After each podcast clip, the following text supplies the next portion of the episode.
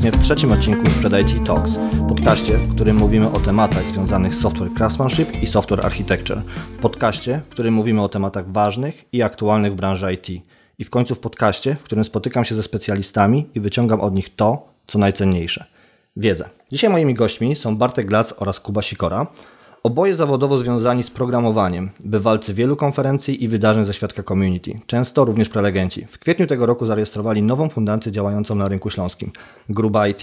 Chłopaki, powiedzcie więcej coś o sobie. Cześć. Cześć. E, ja jestem Bartek i z zawodu jestem programistą, tak jak wspomniałeś, aplikacji webowych głównie. Na co dzień staram się jak najbardziej, najbliżej współpracować z klientami. E, staram się dostarczać im jak najwięcej wartości przez to, że poznaję ich problemy i ich potrzeby. No i staram się pracować jak najwięcej w community, staram się jak najwięcej udzielać i wygląda na to, że chyba idzie to w dobrą stronę. Mhm. Cześć, ja jestem Jakub e, i jestem tą osobą z ADHD w fundacji, która robi wszystko co możliwe i rozszczepia się na milion kawałeczków. Jestem programistą, oprócz tego byłem też wieloma innymi rzeczami. E, w tym momencie też się skupiam, skupiam przede wszystkim właśnie na prowadzeniu fundacji razem z Bartkiem, na organizowaniu wydarzeń w community. Traktuję to jako jedno z moich najważniejszych hobby, chociaż nie jedyne, ale przede wszystkim w ciągu dnia programuję. Mhm, super. Mieliście okazję słuchać jakiegoś podcastu z Play Talks? Oczywiście. Aha, super. To wiecie o co chodzi z tym twistem na samym początku, że mówimy słuchaczom, gdzie mogą słuchać naszego podcastu. Tak? tak. Super, dobra. To drodzy słuchacze, podcastu Spread IT Talks możecie słuchać. Prasując koszulę.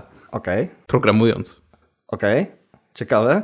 Oraz odśnieżając podjazd. Okej, okay, super, dobra. Porozmawiamy na sam początek o, o waszej organizacji, o fundacji, o Gruba IT. Co to w ogóle jest Gruba IT? Jak to powstało? E, Gruba IT jest fundacją, czy, tam, też organizacją, która ma na celu zrealizowanie pewnej wizji. Wizji, którą sobie wyobraziliśmy e, jakiś rok, półtora roku temu. Mhm. E, I tą wizją jest Śląsk, który wygląda trochę inaczej niż teraz. To jest Śląsk, który, na którym dzieje się bardzo dużo wydarzeń związanych z IT. Wydarzeń na tyle znanych na całą Polskę i też poza Polskę, że dużo ludzi na, przyjeżdża na Śląsk, żeby je odwiedzić.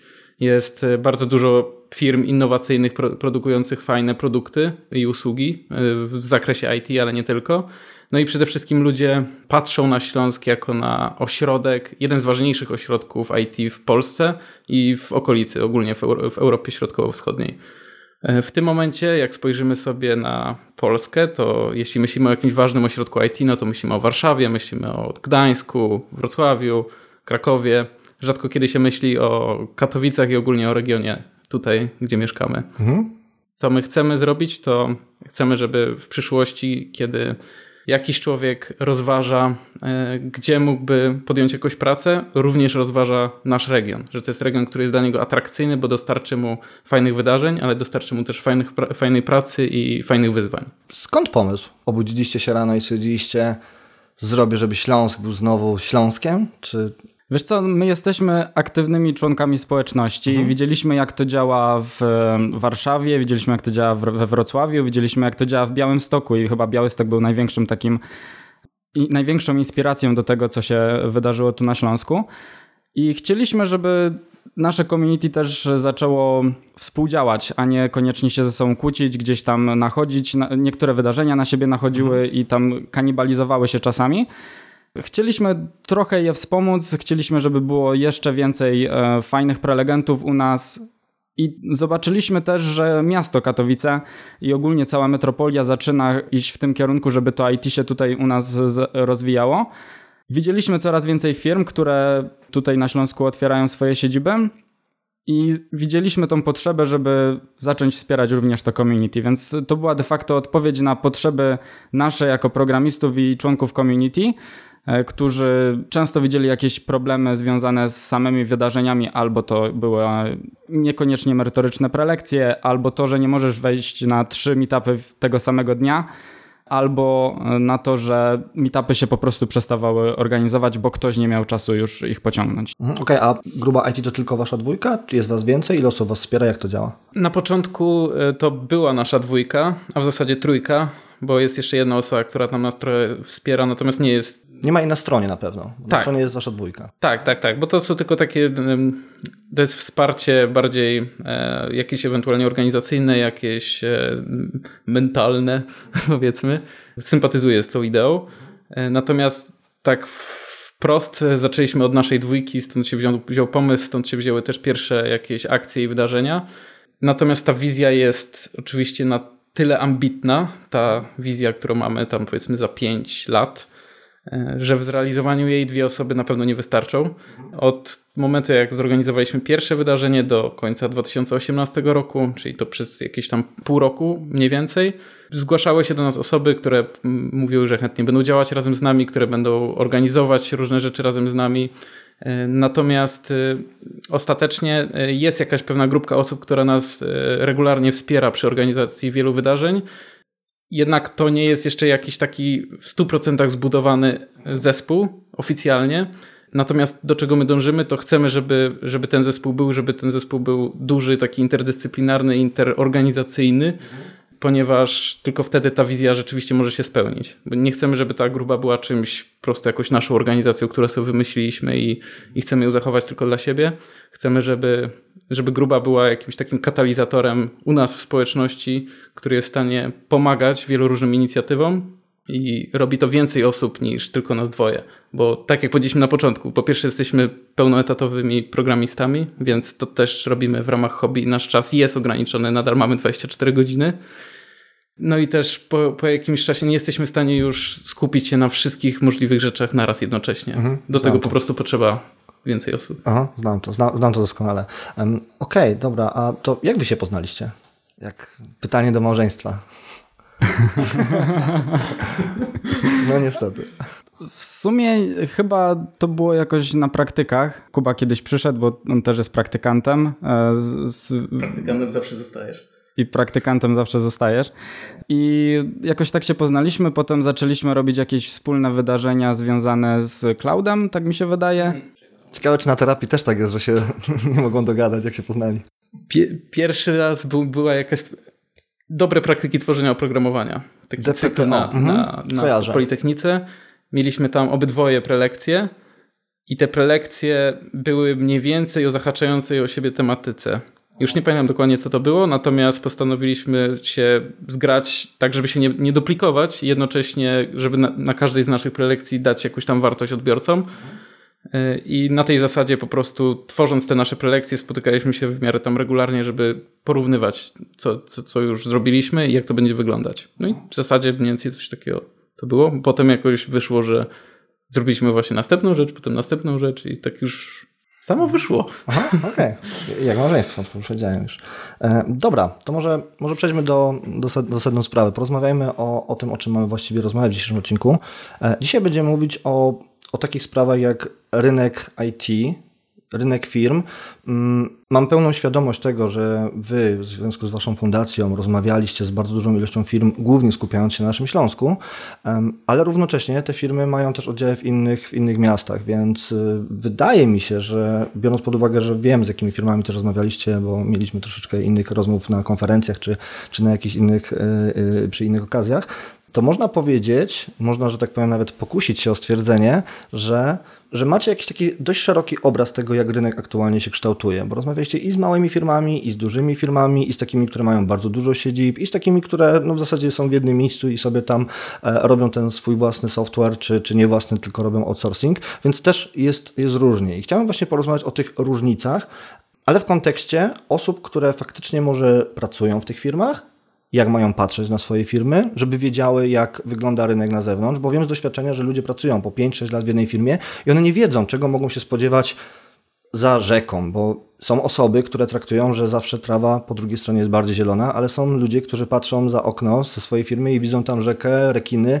i niekoniecznie chcą wyściubić nosa, więc jednych może chcielibyśmy troszeczkę bardziej pokazać, że ta trawa wcale nie jest aż taka bardziej zielona, a z drugiej strony chcemy pokazać ludziom, że tak naprawdę tam nie ma tych rekinów i, i tylko jest inaczej. I teraz dla kogo inaczej? I to byłby cel tego podcastu, żeby powiedzieć naszym słuchaczom, jak wygląda rynek, jakie są rodzaje firm i na co mogą, i na co mogą popatrzeć.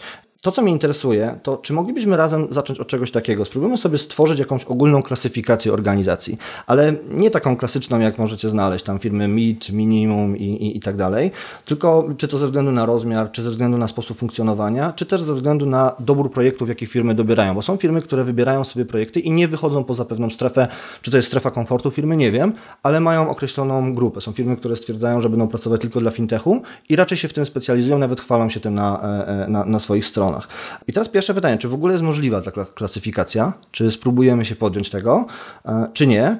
I chciałbym w szczególności podejść do tematu nie od strony firmy, jak powiedziałem, tylko od strony kandydatów i osób, które pracują w tych firmach i chcą wiedzieć, jak wygląda świat na zewnątrz, tak naprawdę. I pierwsze pytanie w tym kontekście, czy jako osoby potencjalne zainteresowane zmianą pracy moglibyśmy w jakiś sposób móc pogrupować, tak jak powiedziałem. I jak myślicie? Bartek, zaczniesz? Jasna. Natomiast wydaje mi się, że każda klasyfikacja i próba klasyfikacji będzie obarczona bardzo dużą generalizacją. E, więc jeżeli aktualnie słuchacze mówią, ale u mnie tak nie jest, to pamiętajcie, że my też mamy, musimy to jakoś zgeneralizować i nie jesteśmy w stanie podejść do każdej firmy indywidualnie i omówić teraz każdej firmy, z którą e, rozmawialiśmy czy też współpracowaliśmy. I z mojego doświadczenia, kiedy rozmawialiśmy z tymi firmami, to ja bym wyszedł od tego punktu biznesowego, jak te firmy e, zarabiają i potem e, z tego wyciągnął troszeczkę dla, dla nas, dla programistów. Więc ja rozróżniam głównie trzy typy firm, które mamy tutaj na naszym śląskim rynku i to są firmy produktowe, to są firmy outsourcingowe i to są firmy body leasingowe. Oczywiście wszystkie te firmy są w stanie w jakiś tam sposób mieć jakiś procentowy udział e, każdej z tych grup u siebie, każdej z tych działów u siebie. E, natomiast to, co ja zauważam w rozmowach z firmami, to często na przykład firmy produktowe mówią, My chcemy mieć u siebie takich małych przedsiębiorców. Nie? U nas każdy e, programista jest takim przedsiębiorcą, on musi myśleć o tym e, długofalowym celu e, naszej firmy, on musi patrzeć na metryki, on musi zastanawiać się, jakie podejście będzie najlepsze, żeby jak najniższym kosztem dowieść akurat ten produkt, który, który chcemy. Nie? Z drugiej strony firmy outsourcingowe troszeczkę bardziej patrzą przez pryzmat tego, że ok, mamy jakiś produkt, albo mamy jakiś projekt, który musimy dowieść naszym klientom, ale bardziej nam zależy na tym, żeby ci ludzie byli techniczni i potrafili rozwiązywać być może trudniejsze problemy. A z trzeciej strony te firmy body leasingowe już bardziej patrzą na to, żeby jak najszybciej ta osoba była w stanie się wdrożyć, jak najszybciej była w stanie e, przynosić tą korzyść. Oczywiście to jest bardzo, bardzo duża generalizacja, natomiast e, to są jakieś takie przemyślenia, które ja widzę podczas. Znaczy, jest to jakiś rodzaj klasyfikacji, nie? Teraz może takie wtrącone pytanie. Body leasing, outsourcing. Jak ty rozumiesz te terminy? Bo ja już słyszałem hmm. pięć różnych definicji. Okej, okay, jasne. To jak ja to rozumiem, body leasing to jest e, w momencie, kiedy my jesteśmy w stanie e, wynająć programistę do projektu. Nie? Firma outsourcingowa albo firma produktowa mówi, że mamy braki kadrowe.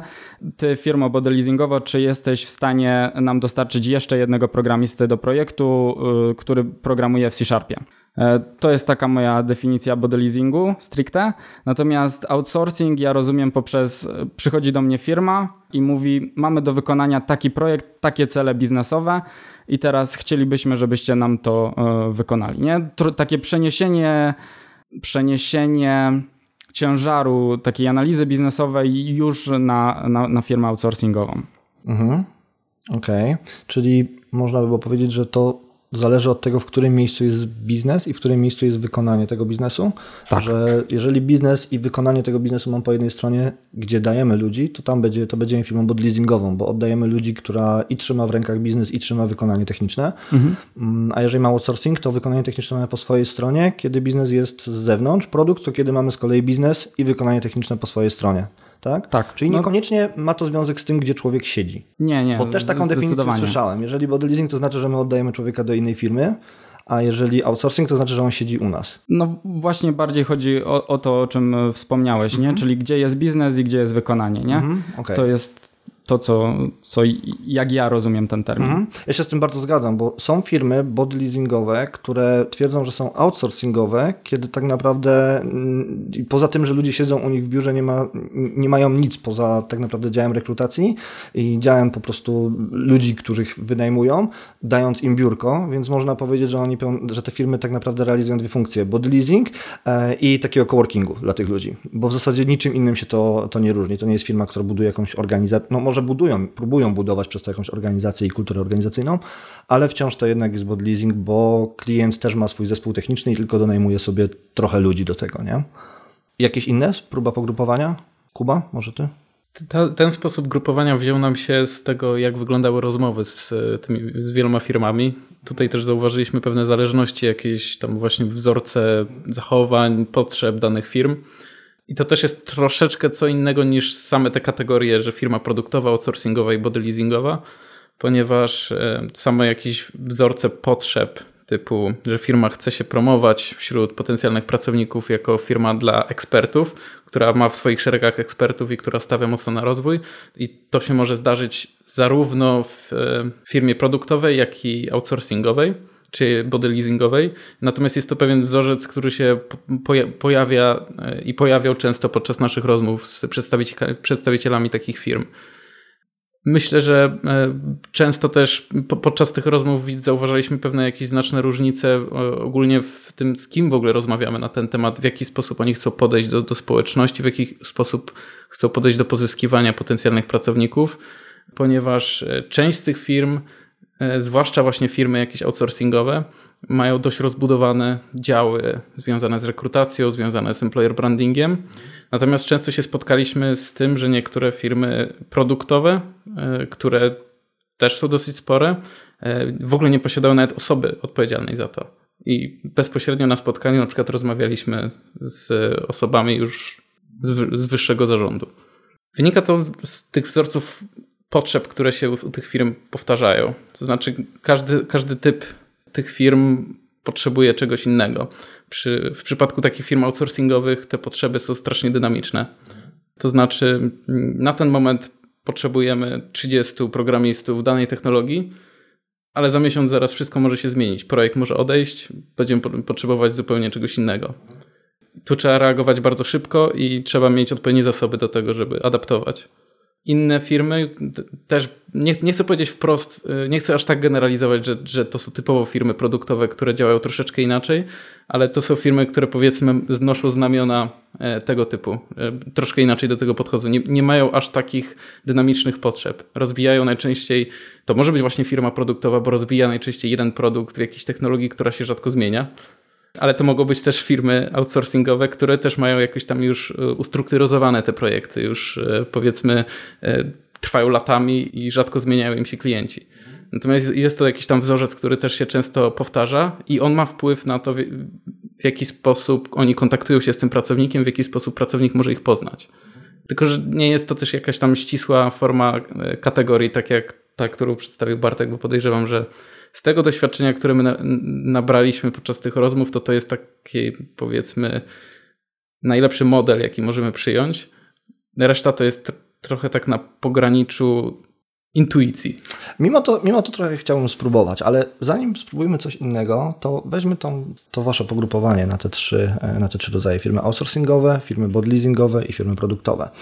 I weźmy sobie trzy osoby. Weźmy sobie juniora, osoba, która zaczyna tak naprawdę branżę, bra pracę w branży, szuka gdzie zacząć, albo szuka swojej drugiej pracy, bo pierwsza to był totalny niewypał, albo pierwszej tak naprawdę pracy, może, może praktyk tak naprawdę też. Potem mamy takiego mida, osobę, która jest już samodzielna, e, ale jeszcze może nie ma tego doświadczenia, dalej chce się rozwijać przede wszystkim technologicznie mm, i mamy seniora, osobę, która już jest bardzo mocno ugruntowana, wie czego chce, wie jak pracować. Jakie te osoby powinny wybierać? Oczywiście każdy i to zależy, wiemy to, ale dlaczego to zależy i od czego? I może inaczej. Kiedy powinienem ja będąc jednej z tych trzech ról, wybrać firmę outsourcingową, kiedy powinienem wybrać firmę bodleasingową, a kiedy produktową? Troszeczkę nawet odpowiedziałeś sobie tym pytaniem. Ja wiem, że to zależy, ale. Kiedy, nie, nie, nie, nie, nie to chciałem powiedzieć. Okay. Ta odpowiedź kosztuje 400 zł za godzinę. Nie, e, raczej chodziło mi o to, że przy opisywaniu tych trzech grup wspomniałeś, że powiedzmy jakiś senior wie czego oczekuje, wie czego chce i wie, w jakim kierunku chce się rozwijać i tak dalej i co powinien wybrać.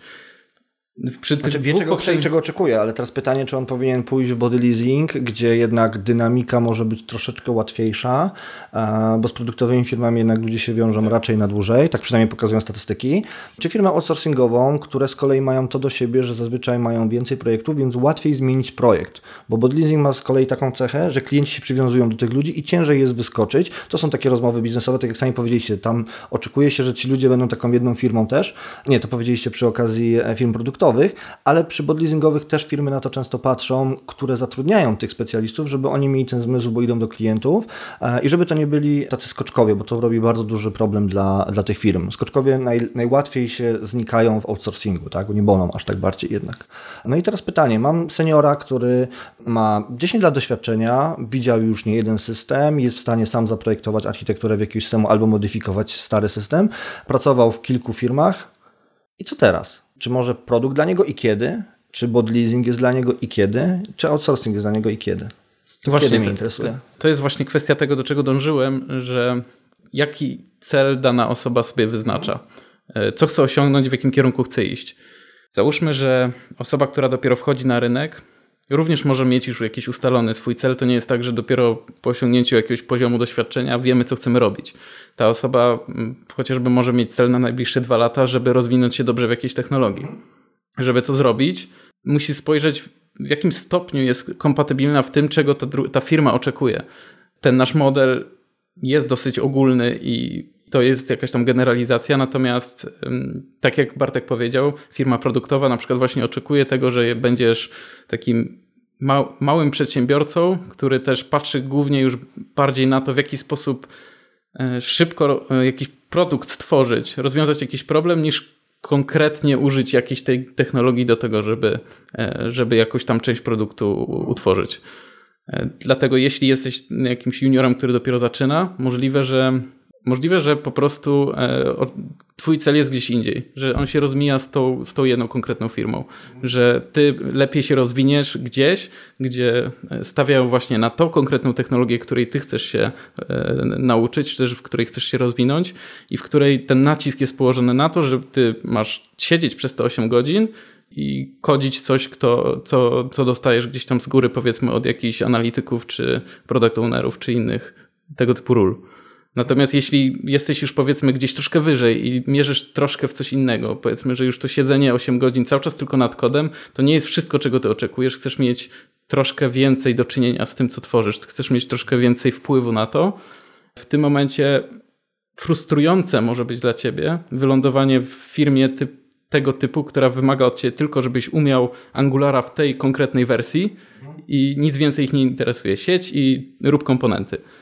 E, natomiast kiedy wylądujesz w firmie, w której oczekują od ciebie, że jak oni, jak oni przyjdą do ciebie z jakimś problemem przy, w tym ich produkcie, to ty będziesz w stanie spojrzeć na to i rozwiązać ten problem, nawet w ogóle nie pisząc linijki kodu, to może tam faktycznie będziesz się czuć lepiej. To jest właśnie kwestia tego, żeby ustalić sobie już od samego początku ten, ten cel, do, do czego dążymy, gdzie, gdzie chcemy się znaleźć. Tak mi się wydaje. Ten Bartek pewnie coś dołoży? Nie, zdecydowanie się z Tobą zgadzam, że firma produktowa może na przykład, niekoniecznie, ale może jeżeli środowisko startupowe na przykład może nie być e, odpowiednie dla juniora, który, dla którego narzut organizacyjny i narzut procesowy będzie i narzut tego, jak, że sama organizacja jeszcze wciąż się kształtuje, nie pozwoli mu się skupić w pełni na technologii i on będzie patrzył bardziej biznesowo być może po jakimś czasie, ale wciąż będzie kulał w tej technologii, nie?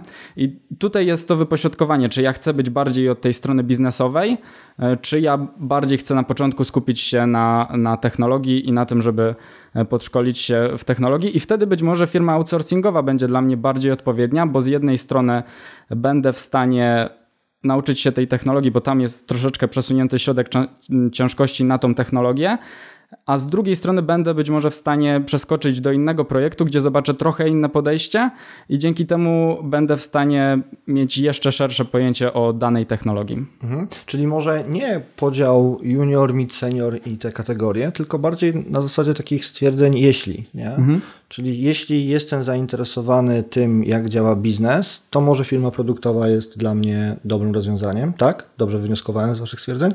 Ja bym tutaj naprostował, że tak, generalizując. O, oczywiście tak. generalizujemy, tak. To, tak. to będziemy podkreślać do upadłego tutaj, bo, bo to są bardzo duże generalizacje. Nie zdarzyło mi się pracować w dwóch takich samych firmach i współpracować z dwoma takimi samymi tak. firmami, a też troszeczkę tego prze, prze, przerobiłem, że tak powiem w cudzysłowie. Ale okej, okay, spróbujmy takie statementy ustawić, kilka. Jeśli Okej, okay, czyli, czyli w takim razie, jeśli e, szukasz czegoś więcej poza samym programowaniem, jeśli chcesz mieć jakiś wpływ na produkt i odnajdujesz się w takiej dynamicznej sytuacji bardziej biznesowej, to może faktycznie firma produktowa lub ewentualnie jakaś outsourcingowa, która dostaje produkt jakiś konkretny do realizacji z całą tą stroną techniczną po swojej stronie. Mhm. Łatwiej tego tam będzie poszukać. Może nie, że tak. tam to znajdziesz, ale łatwiej tak, tego to tam prawda. Większe prawdopodobieństwo, mhm. że tam okay. się to znajdzie. Okej. Okay coś innego, to kiedy body leasing? A ja was zabiję, bo ja kiedyś chciałem pracować na body leasing i pracowałem bardzo długo, tak? I mam konkretne jeśli na to. No i teraz mam ten problem.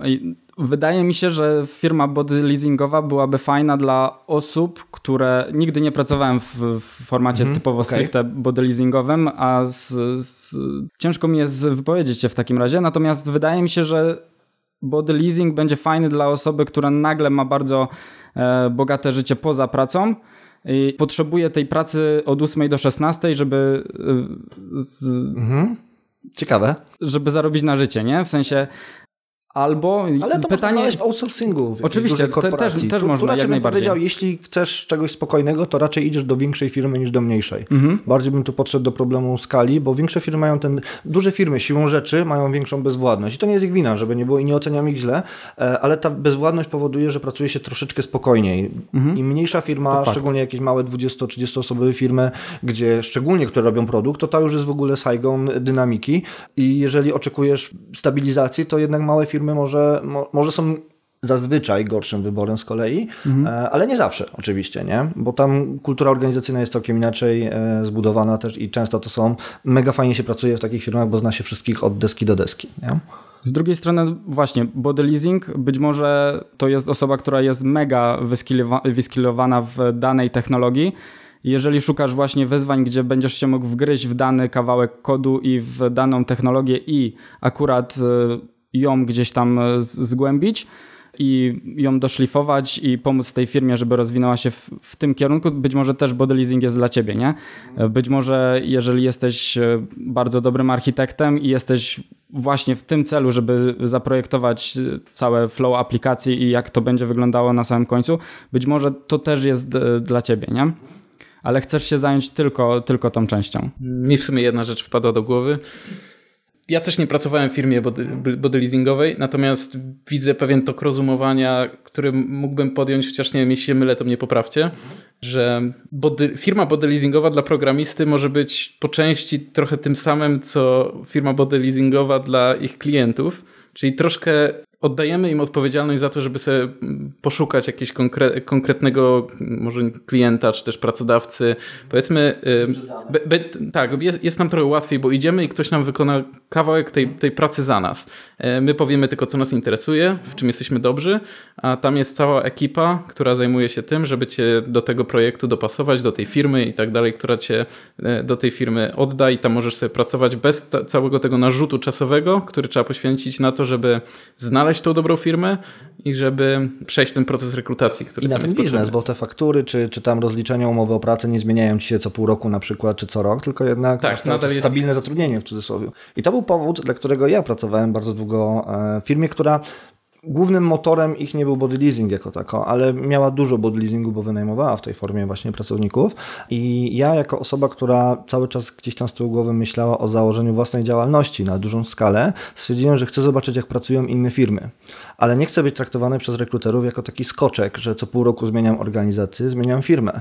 Więc body leasing tutaj dla takich osób jest idealnym rozwiązaniem, bo co pół roku faktycznie zmieniałem klienta, pracowałem w innej siedzibie, widziałem, jak inne projekty działają, pracowałem totalnie z innymi ludźmi, mają cały czas stabilne zatrudnienie i w CV jedną firmę jako, jako pracodawcę. Właśnie ciekawe, czyli w CV masz jedną firmę, wtedy tak. nie, nie masz możliwości wpisania. Mój zatrudnienie był jeden. Znaczy oczywiście, dzisiaj widzę, że ludzie na body leasingu zmieniając pracę wpisują to na LinkedInie, że pracowali jednak w innej organizacji. Jeżeli chcą się tym pochwalić, super. Ja mam to wpisane na liście projektów i klientów tych projektów, więc mam w CV też osobną stronę, gdzie mam po prostu wybrane, wyselekcjonowane projekty, w których pracowałem, ale zatrudnienie mam jako, jako, jako jedną firmę. Nie? I to był taki mój model biznesowy, żeby zobaczyć, jak różne firmy pracują też na Śląsku, jak, e, jak można organizować pracę, ale równocześnie nie męczyć się tym, że co pół roku rozmowy rekrutacyjne. To prawda, rozmowy są, bo na bodleasingu też firma cię wysyła, więc to nie jest tak, że nie ma nic. Jest jakaś tam weryfikacja, ale ona jednak całkiem inaczej działa niż, e, niż taka rekrutacja e, klasyczna. Nie? Więc też podaję słuchaczom taki pomysł, jeżeli ktoś chce założyć własną działalność, to jednak to może być jakiś dobry pomysł, bo jeżeli się rozmyślicie albo stwierdzicie, że może to jeszcze nie jest wasz moment, że może jednak nie chcecie, to cały czas wasz życiorys, że tak powiem, wygląda bardzo stabilnie jako takiej osoby, która pracowała przez x, x, x lat, bo dość długo pracowałem w tej firmie, w jednej firmie tak naprawdę, nie? A to, że współpracowałem w tym czasie z 15 innymi, to, to jest tylko moja sprawa. Fakt, ale to jest, to jest niezaprzeczalny plus y, zarówno firm outsourcingowych, jak i właśnie jakiegoś body leasingu. Mhm. Łatwiej zmienić projekt, tak? Tak, no jak, mhm. jeśli w firmie produktowej, jak po y, roku, dwóch, trzech, pięciu, dziesięciu pięciu latach tak się zmęczysz już tym produktem, że nie możesz na niego patrzeć, to jedyne co możesz zrobić, to odejść. Mhm. Codebase męczy, to jest prawda, zgodzę się. I tutaj właśnie też w tym kontekście, jeżeli mamy taką sytuację, że jesteśmy osobą, która jest na początku tej drogi, to raczej będziemy musieli zmienić szybciej ten projekt niż później. Dlaczego? Bo powinni, powinniśmy zbierać doświadczenia, jak działają różne systemy bo tak naprawdę z tego się uczymy. Jeżeli będziemy widzieć tylko jeden schemat rozwiązań, to jak pójdziemy do następnej firmy, będziemy starać się skorzystać z tego samego schematu rozwiązań. Nie, nie wiem, czy się ze mną zgodzicie, ale y, jeżeli bym widział dwa czy trzy, to już mam jakiś zestaw, narzędziownik do dwóch czy trzech podejść do jednego problemu i wtedy mogę zacząć mówić, że faktycznie mam jakieś doświadczenie, bo jestem w stanie wybierać i umotywować, że to się sprawdziło w takiej sytuacji, a to się sprawdziło w takiej. Mamy taką pośrodku, więc niezależnie od tego, którą drogę wybierzemy, będziemy mieć trochę problemów i trochę plusów. Pytanie, co wybieramy firmach produktowych widzimy jeden codebase. Z drugiej strony, dla osób totalnie doświadczonych albo osób, które jednak chcą mieć wpływ na to, co robią, firma produktowa moim zdaniem może mieć duży plus, bo mówi się, że osoby doświadczone, jest taka statystyka, powinny przesiedzieć w firmie przynajmniej 3 lata. To już jest stosunkowo dużo, patrząc na nasz rynek, bo średnia zatrudnienia to jest chyba 11 miesięcy w tym momencie na Polskę, więc coś koło tego. E, było 10, troszeczkę się zwiększyła, kiedyś było coś powyżej roku. Jak ostatnio sprawdzałem to 2 czy 3 miesiące temu, to było 11, więc dość krótko można by rzec. Dlaczego senior 3 lata? Pierwszy rok tak naprawdę musimy posprzątać po kimś. W cudzysłowie oczywiście, czy jest coś fajnego, czy nie, musimy to doprowadzić do jakiegoś stanu, którego oczekujemy. Drugi rok podejmujemy własne decyzje i trzeci jest krytyczny, musimy żyć z własnymi decyzjami. I bardzo dużo seniorów i ludzi doświadczonych zapomina o tym, bo w momencie, kiedy zaczyna się konsekwencja swoich decyzji, to uciekają do innej firmy.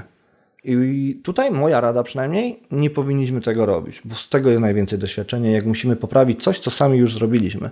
Bo ciężko jest mówić i fajnie się narzeka, bo to uwielbiamy, to jest nasza specjalizacja w zasadzie, e, narzekanie na cudzy kot, nie? Ale po dwóch latach ciężko jest powiedzieć, że nie mieliśmy na coś wpływu już.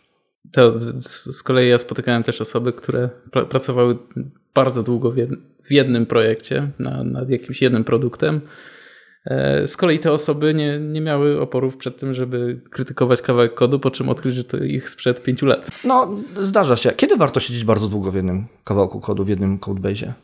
Jest jakaś taka sytuacja, że warto 5 lat siedzieć w tym projekcie? Na, nadal pozostaje przy tym, co powiedziałem na początku, że jeśli jest to nadal zgodne z jakimś naszym celem, do którego dążymy i, i przybliżamy się dzięki, dzięki temu do tego celu, to dlaczego nie? Jakoś nie jestem specjalnie zwolennikiem tego, że powinniśmy mieć jakieś konkretne widełki, które wyznaczają nam, że teraz już powinieneś odejść z projektu, teraz powinieneś odejść z firmy i jakąś taką powiedzmy utartym schematem iść. Raczej, i to nierzadko się spotykałem z tym, że, że były osoby, które w jednym projekcie siedziały po naprawdę wiele lat i to z jednej strony mogło wychodzić źle, e, e, w sensie zależy jak ta, jak ta osoba na to patrzyła. To, to, to, są często osoby też, które właśnie tak jak Bartek powiedział, widzą dużą część swojego rozwoju gdzieś poza pracą. To znaczy, że e, rozwijają się, mają jakieś inne hobby, które nie jest związane w ogóle z IT, więc przychodzą do tej pracy, wykonują tu swoją robotę dobrze, tak jak powinni, znają ten system doskonale. Po prostu po tych 8 godzinach idą do domu, robią coś innego. I oni się czują z tym dobrze. Więc jeśli im to pasuje, dlaczego nie? Tak, ale z drugiej strony ja bym też patrzył na to, że czasami przesiadywanie za długo w projekcie może nas doprowadzić do tego, że świat popędzi tam gdzieś do przodu, a my zostaniemy tutaj e, i warto zawsze patrzeć na te cele, o których mówił Kuba, natomiast też warto patrzeć na rynek, gdzie on jest i czy my wciąż uczymy się czegoś, czy my zostajemy i mamy okej, okay, może 10 lat doświadczenia, ale cały czas w tej samej technologii i wtedy przychodząc na jakąkolwiek rekrutację, nagle się okazuje, że jesteśmy już poza schematem i nie jesteśmy w stanie złapać e, tak, e, tak szybko pracy. I niby powinniśmy być seniorami, ale tak naprawdę teraz przychodzimy na kurs programowania, bo chcemy się dowiedzieć, jakie są teraz stosowane techniki, nie? Więc e, to też jest kwestia tego, żeby zawsze patrzeć, e, co chcemy e, robić, w którym kierunku się rozwijać, chociażby technologicznie i starać się cały czas udoskonalać. To się właściwie teraz dzieje, bo mm, przez ostatnie kilka lat tak naprawdę systemy, architektury systemów rozproszonych wybuchły, że tak powiem, bo i mikroserwisy, i event-driven architecture, i w ogóle wszystkiego rodzaju architektury rozproszone, bardzo generalizując, i sam cloud, i wdrażanie systemów w, bardziej w rozproszonych środowiskach totalnie wybuchł i osoby, które kiedyś pracowały, nie wiem, w mojej domenie Javowej, miały jakieś y, duże serwery, na które wdrażały tę toporną EARkę, y, pomijając, czy to było dobre, czy nie, bo miało to mega dużo zalet. Jak nie działało, to wiadomo było gdzie, e, z przykładów, ale nie wchodźmy w architekturę tutaj, to teraz osoby przychodzą i tak jakby budzą się w totalnie w innym świecie. I mam takie osoby, często, e, często rozmawiam z takimi osobami, które e, pytają się, jak, jak w ogóle teraz zmienić tę drogę, bo mocno, mocno zaspały, więc na to też trzeba uważać. Ale, ale pan panowie, spróbujmy jeszcze inaczej sklasyfikować, bo wymieniłem i widzę, że jest coś takiego. Są firmy, które się specjalizują w pewnej klasie projektów i są firmy, które raczej starają się być ogólnie. Ogólnie większa dywersyfikacja, są jakieś plusy, możemy zmienić coś z branży medycznej na branżę lotniczą i są firmy, które się specjalizują. Szczególnie tutaj e, dużo firm specjalizuje się w fintechu i, i w domenach finansowych, raczej starają się nie wychodzić za to. Tam się mogą zdarzyć pojedyncze jakieś projekty, ale raczej się starają za to nie wychodzić. Kiedy warto w takiej, a kiedy w takiej? Jakieś pomysły? Powinienem wybrać firmę, która się specjalizuje w jakiejś domenie projektowej, czy nie patrzeć w ogóle na to, patrzeć na jeden projekt? Albo jeszcze inaczej, rekrutuję się do firmy, powinienem pytać o ten projekt, bo dużo firm wciąż rekrutuje na tak zwaną ławeczkę. To ja bym zapytał tą osobę, która chce się rekrutować, czy ta domena mnie interesuje. Jeżeli tak, to jak najbardziej warto jest pogłębiać e, tą wiedzę domenową, na przykład fintech, nie? Jeżeli wchodzimy w fintech, to dużo łatwiej będzie nam przejść później do kolejnej firmy fintechowej, gdzie już będziemy mieli zdobytą wiedzę domenową i będziemy mogli jeszcze szerzej pomóc firmie się rozwijać, wiedząc już jak to działało wcześniej i wiedząc jak działa cały rynek finansowy. I to jest jedna z tych rzeczy, ale z drugiej strony, jeżeli chcemy ogólnie poznać, jak działa biznes, jak działają różne organizacje, jak e, być może kiedyś stworzyć własną organizację, to w tym momencie być może fajniej będzie spróbować różnych domen, zobaczyć jakie, z jaką klasą problemów stykają się różne organizacje. No bo w fintechu na przykład y, pewnie będziemy bardzo dużo, bardzo często spotykać się z podobną klasą problemów. Ale jeżeli będziemy skakać po domenach, cały czas ją zmieniać, to podobnie jak z technologiami. Będziemy uczyć się więcej, ale na troszkę niższym poziomie. Nigdy nie, będziemy, nie wejdziemy aż tak głęboko w, w samą domenę. I teraz pytanie, co jest naszym celem? Czy chcemy się właśnie wyskilować w fintechu, bo e, nas to bardzo interesuje i to jest coś, co, co chcemy robić i czujemy, że jesteśmy w tym dobrzy? Bo taki pracownik będzie miał większą wartość dla tego. Zdecydowanie tak. Czy być może interesuje nas ogólnie biznes i albo domena nie ma dla nas znaczenia e, i ten kod jest dla nas najważniejszy, no to w tym momencie pewnie te firmy e, outsourcingowe, które zajmują się różnymi domenami. Z mojej perspektywy ja akurat bardzo lubię poznawać nowe domeny, zwłaszcza od zera. Całkowicie, nie mając zielonego pojęcia o tym, e, co, się, co, co, co tam się w ogóle dzieje. To jest jedna z zalet tego rynku, nie? Ja, te, tak, ja też po... raczej mam twój charakter, uwielbiam to. Byłem górnikiem, byłem człowiekiem od, nie wiem, samolotów i tak dalej. E, właśnie i kombinuję i myślę, że prędzej czy później możliwe, nie chcę tego sprzedawać jako jakiś przepis, e, którym każdy musi podążyć, ale prędzej czy później pewnie znajdę jakąś domenę, która podoba mi się najbardziej i będę w kierunku tej domeny bardziej iść. E, natomiast jeszcze takiej nie znalazłem. Robiłem e, w kilku różnych i no ja uważam, że moim zdaniem na początek przynajmniej warto liznąć kilka tych różnych domen, poznać kilka różnych właśnie klas problemów, z którymi się stykają ludzie, o których byśmy w ogóle w życiu nie pomyśleli. I każda taka domena daje nam właśnie jakiś taki nowy mindset. Tak jak każdy język programowania uczy nas czegoś nowego, odblokowuje coś tam w głowie i myślimy troszkę inaczej, tak każda domena też daje nam jakiś nowy sposób widzenia rzeczy. Mhm. Ale to, to, co powiedziałeś, jest bardzo ważne moim zdaniem i, i, warto to podkreślić, że domena to też jest jeden z jakichś takich bardzo istotnych czynników, które zmieniają światopogląd. Bo tak jak mówicie, to jest inna klasa problemów, bo innego rodzaju problemy są. Więc w czymś specjalizować w pewnym momencie się warto, i okazuje się, że domena może być czymś, w czym się może, może chcemy specjalizować. Może to być coś, może to być klasa problemów w rodzaju, nie wiem, specjalizuje się, już teraz powiedzieć, specjalizuje się w systemach rozproszonych, to już jest troszeczkę na wyrost. Kiedyś tak można było powiedzieć, e, bo nie było tak, była to dość wąska dziedzina, teraz jest ona zbyt szeroka, żeby sobie tak, e, tak po prostu rzucić, ale w czymś specjalizować się można. Może to być jakaś klasa technologicznych problemów, może to być e, klasa architektury, jakiś rodzaj architektury konkretnej, a może to być właśnie, właśnie domena. I nie ma w tym nic złego. Wiemy, czego chcemy. Załóżmy, mam, mam, mam taki mindset, że wiem, jaką rodzaj firmy chcę mieć, jaki projekt, bo znowu powtórzyło mi się coś, co miałem na pierwszym podcaście, gdzie y, Jarek z Kubą wspominali, że tak naprawdę musimy określić sobie ten cel w pewnym momencie. Na początku możemy pytać o niego znajomych, kolegów na początku naszej drogi, żeby nam wskazali, od czego warto zacząć, ale w pewnym momencie i tak sami będziemy musieli zdecydować jakiś tam konkretny kierunek, czego się chcemy nauczyć w następnym projekcie czy w następnej firmie. I teraz załóżmy, że wiemy. To jak myślicie, jak możemy jako kandydaci zdobyć informacje o konkretnej organizacji? To jest i proste, i trudne pytanie. Tak. Z jednej strony proste, bo mogę pojechać kliszą i powiedzieć, idź porozmawiać z ludźmi, mhm. idź na meetup, na konferencję. I prawdopodobnie, jakby ktoś się mnie zapytał po prostu na jakimś wydarzeniu, jak mogę dotrzeć do tej firmy i poznać, jak to wygląda w środku, jak to jest tam pracować, to bym prawdopodobnie z marszu, jakbym miał odpowiedzieć jednym zdaniem, powiedział idź na meetup, gdzie występuje na przykład pracownik tej firmy i pogadaj z nim. Tylko często, często ci pracownicy są wystawieni w taki sposób, że oni wiedzą, co mają odpowiadać takim kandydatom. Nie? Trochę tak, ale też nie traktowałbym tego całkowicie właśnie źle, bo to, że ta firma tam jest, ponieważ powiedzmy jest sponsorem, to nie znaczy, że ta firma nie ma czegoś dobrego do zaoferowania i że ta firma jakoś od razu z marszu można założyć, że w ogóle mówi nieprawdę. Ale oczywiście ja tego nie neguję. Zawsze to jest rozmowa jednak z osobą techniczną, która tam pracuje, a nie jest osobą, która ma przygotowane foldery. Tak. Więc zdecydowanie ja preferuję ten kontakt, bo też ze względu na to, że osoby techniczne raczej nie mają takiego skilla komunikacyjnego i są bardziej szczerzy naturalnie. Poza tym mamy taki moment na rynku pracownika w IT, że jeśli tylko jakakolwiek firma by się podjęła tego, żeby troszkę podkoloryzować sobie, jak wygląda życie w jej firmie, to bardzo szybko rynek zweryfikowałby takie zachowanie. Jest tak, jest tak, jest tak. I to nawet już nie chodzi tylko o to, że firma coś podkoloryzuje, ale nawet jak czegoś nie powiedzą, to nieraz się już spotkałem, że ludzie rezygnowali z pracy tylko i wyłącznie dlatego, że ktoś im nie powiedział o czymś, o czym nawet mógł nie pomyśleć, więc to też niekoniecznie była wina firmy, ale pracownikowi się to nie podoba i czuje się wewnętrznie oszukany, a takie poczucie już wewnętrzne ciężko jest zmodyfikować, nie? E, także to by była moja pierwsza odpowiedź właśnie, żeby pójść na meetup czy na jakąś konferencję i porozmawiać z tymi ludźmi, Natomiast... Czyli zasięgnąć języka tak fizycznie, nie? To jest najlepsza opcja, taka na, najszybsza i naj, najprostsza.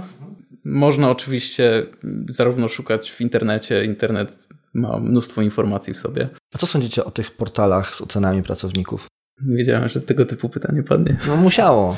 Wydaje mi się, że bardzo często informacje tam zawarte pochodzą od jednej z tych grup, którym się nie podobało. I większość opinii, które słyszeć tam można, uwidzieć można tam, są negatywne. I nie podobało mi się, to teraz obsmaruję tą firmę i tak, taki wydźwięk potem jest na temat tej firmy. Natomiast powiedzmy sobie szczerze, firmy też nie są święte i też bardzo często zasłużyły sobie w jakiś sposób na, na te e, informacje ale... Czy jeśli nam się podobała praca w firmie, to wchodzimy, szukamy w internecie i wpisujemy dobrą opinię? No właśnie. Więc ja bym z dużą dozą e, niepewności patrzył na, na to, co się tam e, dzieje. Bardziej bym się starał ogólną opinię w community na temat danej firmy e, zdobyć i niekoniecznie od samego pracownika tej firmy, bo powiedzmy sobie szczerze, że rotacja na rynku jest dosyć spora Więc ktoś prawdopodobnie kiedyś tam pracował rok temu, półtora roku temu. Ok, realia mogły się trochę zmienić, ale prawdopodobnie firma nie przeszła aż tak dużych zmian organizacyjnych, żeby to, co on mówi, nie było już zupełnie prawdą. Więc jeżeli firma ma już duży potencjał i duże uznanie zyskała w społeczności, no to powiedzmy sobie szczerze, prawdopodobnie warto jest aplikować do takiej firmy.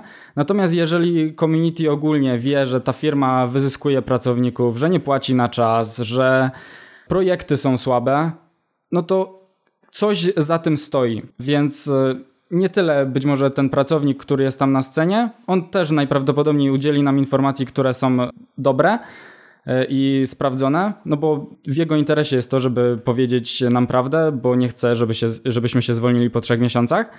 Ale samo community, nawet jeżeli nie umiemy znaleźć przedstawiciela tej firmy na, na spotkaniach, no to jednak już będzie miała jakąś opinię wyrobioną sobie na temat e, danej firmy.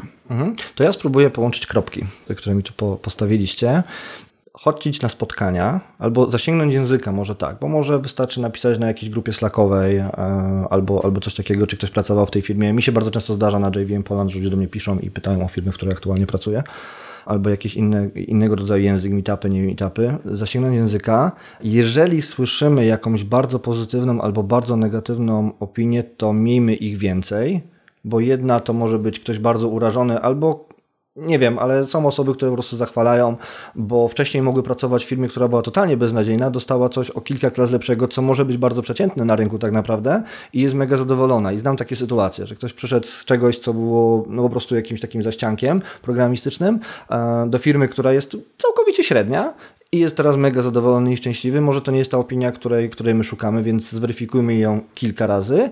Czytajmy te opinie na stronach internetowych, jeśli nas to interesuje. I ja bym z tego wyciągnął taki wniosek, e, bo Zgadzam się z Wami, tam jest głównie hejt. Ile razy czytałem jakieś filmy, w której pracowałem, albo w której pracuję, albo nawet w tej, w której aktualnie pracuję, to tam jest po prostu głównie hejt. Ja się zastanawiam, skąd ludzie to wyciągli w ogóle. Ale jest tego jedna wartość, moim zdaniem, bo jak pójdziemy na rozmowę, i tutaj kolei kropka od Ciebie, Kuba, firmy nie mogą koloryzować, bo to się bardzo źle dla nich może skończyć. Więc jeżeli widzę coś, co mnie bardzo niepokoi, to sobie to mogę zapamiętać, zapisać na karteczce i spytać o to na rozmowie.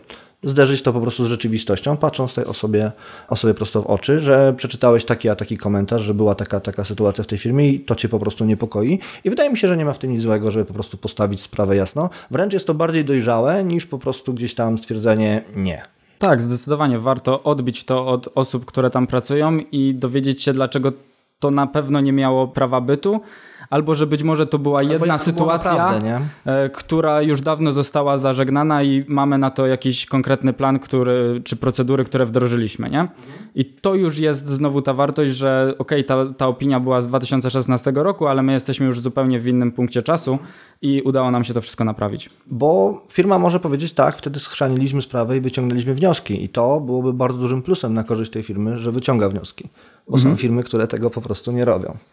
Okej, okay, to trudne pytanie na koniec tej, tego bloku, bo był dość długi.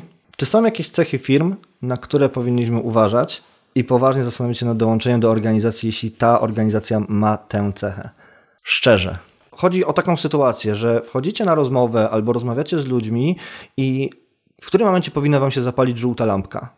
Pozwolę sobie pominąć oczywistości, kiedy dowiadujemy się, że firma płaci z opóźnieniem półrocznym albo nie w firmie jest mobbing. Okej, okay, dobra, no to nie zapala się nam żadna lampka, po prostu odwracamy się i, i, wychodzimy, tak? Kiedy powinniśmy się naprawdę bardzo poważnie zastanowić, że czy to nie będzie strzał w kolano? Wydaje mi się, że nadal e, kręcimy się wokół tego celu. Czyli jeśli my mamy jakoś, jakoś zdefiniowany swój cel, to nawet nie chodzi o to, że to jest nasz cel, żeby się czegoś nauczyć, czy w jakimś kierunku rozwijać, ale to mamy zdefiniowaną jakiś swój, jakąś swoją osobowość. Wiemy, jacy jesteśmy, co nam się najbardziej podoba. Wiemy, że na przykład woli, nie wiem, są programiści, którzy, którzy lubią pracować z ludźmi, którzy lubią pracować z biznesem, którzy właśnie odnajdują się w tym dynamicznym środowisku. Są też ludzie, którzy e, wolą się tam gdzieś e, zamknąć w swojej piwniczce i sobie skodzić. Co, to nie jest ani jedna, ani druga strona nie jest dobra, ani zła. Po prostu są różne osobowości. Więc jeśli ja jako programista, który szuka pracy, który wie kim jest, jaką ma osobowość i też wie jakie ma cele, i rozgląda się za tymi firmami, widzi, że firma ewidentnie, czy tam dowiaduje się, że, że, ta firma działa troszkę wbrew temu, nie jest kompatybilna z tą osobowością, którą mam, czy z tymi moimi celami, no to to jest jakiś wskaźnik, żeby mimo wszystko tam nie iść. Jeśli ja jestem osobą, która liczy na to, że będzie się obracać w środowisku, w którym jest ryzyko, w którym są jakieś e, ważne decyzje do podjęcia, faktycznie mam wpływ na to, że jak kreować ten produkt, e, natomiast dowiaduję się, że tak naprawdę praca w tej firmie polega na tym, że wrzucają mnie w ten projekt, dostaję tam jakieś taski po prostu gdzieś tam opisane i jedne co mam robić to zamieniać task na kawałek kodu. To znaczy, że najprawdopodobniej nie będę tam najszczęśliwszy dość szybko ta przygoda może się skończyć. Mhm. Bardzo ładna polityczna odpowiedź.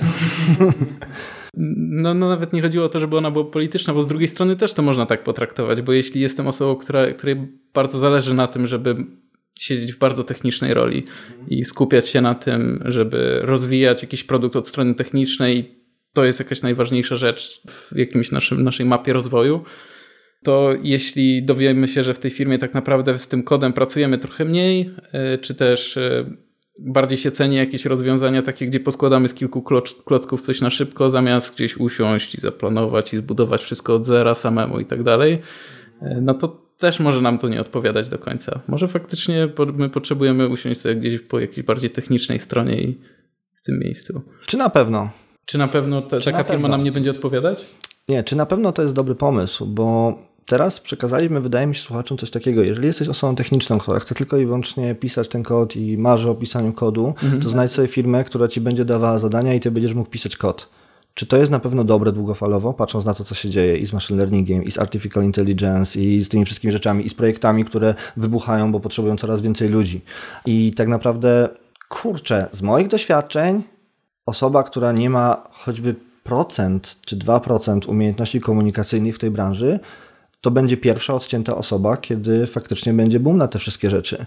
I czy to jest na pewno dobra rada, jeżeli jest firma, która da ci zadanie, oczekuje od ciebie zrobienia zadania i w ogóle mówi ci, że masz się niczym innym więcej nie interesować, a ty masz ten charakter, to naprawdę powinieneś tam iść. Może na chwilę tak, żeby nauczyć się jakiejś technologii. Ale czy naprawdę to jest twój wybór? Bo ludzie mogą chcieć tak. Ja tak chciałem. A cały czas rozmawiam i piszę maile, programuję w Outlooku bardzo często. Albo w Wordzie. Albo w Wordzie, no. E... Dlaczego? Nie? Bo Wiesz, ja się z tobą do końca nie zgodzę z tym stwierdzeniem, bo ono jest bardzo niebezpieczne. Jasne. Faktycznie ktoś mógł, mógłby potraktować moje zdanie jako poradę zawodową, czym absolutnie nie było. Mhm. E, raczej, raczej chciałem wskazać na to, że tak naprawdę wszystko mm, się rozbija o to, e, czego my chcemy w jaki sposób chcemy e, sobie samemu dogodzić. Mhm. Czyli no, choćbym chciał żeby wszyscy ludzie zmienili swój sposób myślenia na jakiś taki, który mi się wydaje, że jest dobry. Nie jestem tego w stanie każdemu przekazać. E, natomiast jeśli ta osoba ma jakiś swój sposób pracy, w którym się czuje dobrze i szuka pracy, która mu to zapewni, to w ten sposób może analizować e, jakąś potencjalną ofertę takiej firmy. I w zasadzie to tylko chciałem przekazać. Czy to mhm, jest faktycznie okay. odpowiednia droga, którą powinien iść, czy przypadkiem nie powinien wyjść ze swojej słynnej strefy komfortu i pójść gdzieś indziej, mhm. to już jest osobna kwestia. Mhm, ale poruszajmy te kwestie, bo one są jednak dość istotne. Jasne. I, I wydaje mi się, że nie można tak powiedzieć jednego w oderwaniu od drugiego. Ja wiem, że jest zależności mnóstwo i zrozumiałem dobrze two, Twoją odpowiedź, tak mi się przynajmniej wydaje, ale z tym, bez tego niedopowiedzenia mogła być ona dość niebezpieczna, moim zdaniem, dla osób totalnie niedoświadczonych. E, jeżeli ja chcę programować i znajdę firmę, która da mi zadanie, ja będę mógł programować, to będę szczęśliwy i co jest smutne, w zasadzie ta osoba będzie szczęśliwa przez bardzo długi czas i po kilku latach może mieć bardzo duży problem. Tak, to, to, nie, to nie jest do końca bezpieczny wybór, zwłaszcza właśnie w w dzisiejszych, w dzisiejszych czasach. czasach, kiedy się, się ciągle mówi o tym, że a, wy programiści nie będziecie potrzebni za dwa lata, za trzy lata. To nie jest tak. Rynek się zmieni po prostu, nie? Ale to nie jest temat tego odcinka i byśmy tak, wybuchli za chwilę, tak, tak więc tak, tak, możemy się kiedyś spotkać i o tym porozmawiać bardzo chętnie. To, na co ja bym też popatrzył, to na podejście do pracownika. Jeżeli pracujemy w firmie, gdzie ten pracownik jest taki y, pomijany, bo też z takimi firmami mieliśmy do czynienia. Już coraz rzadziej, już nie ma praktycznie y, takich firm, ale wciąż zdarzają się gdzieś tam o tym zaścianku, o którym mówiłeś. Często tacy, takie osoby nawet nie wiedzą, co jest tam gdzieś za płotem. I okazuje się, że teraz pracownicy IT są mega rozpieszczani i czasami nawet za bardzo, ale to też nie jest dzisiejszy temat.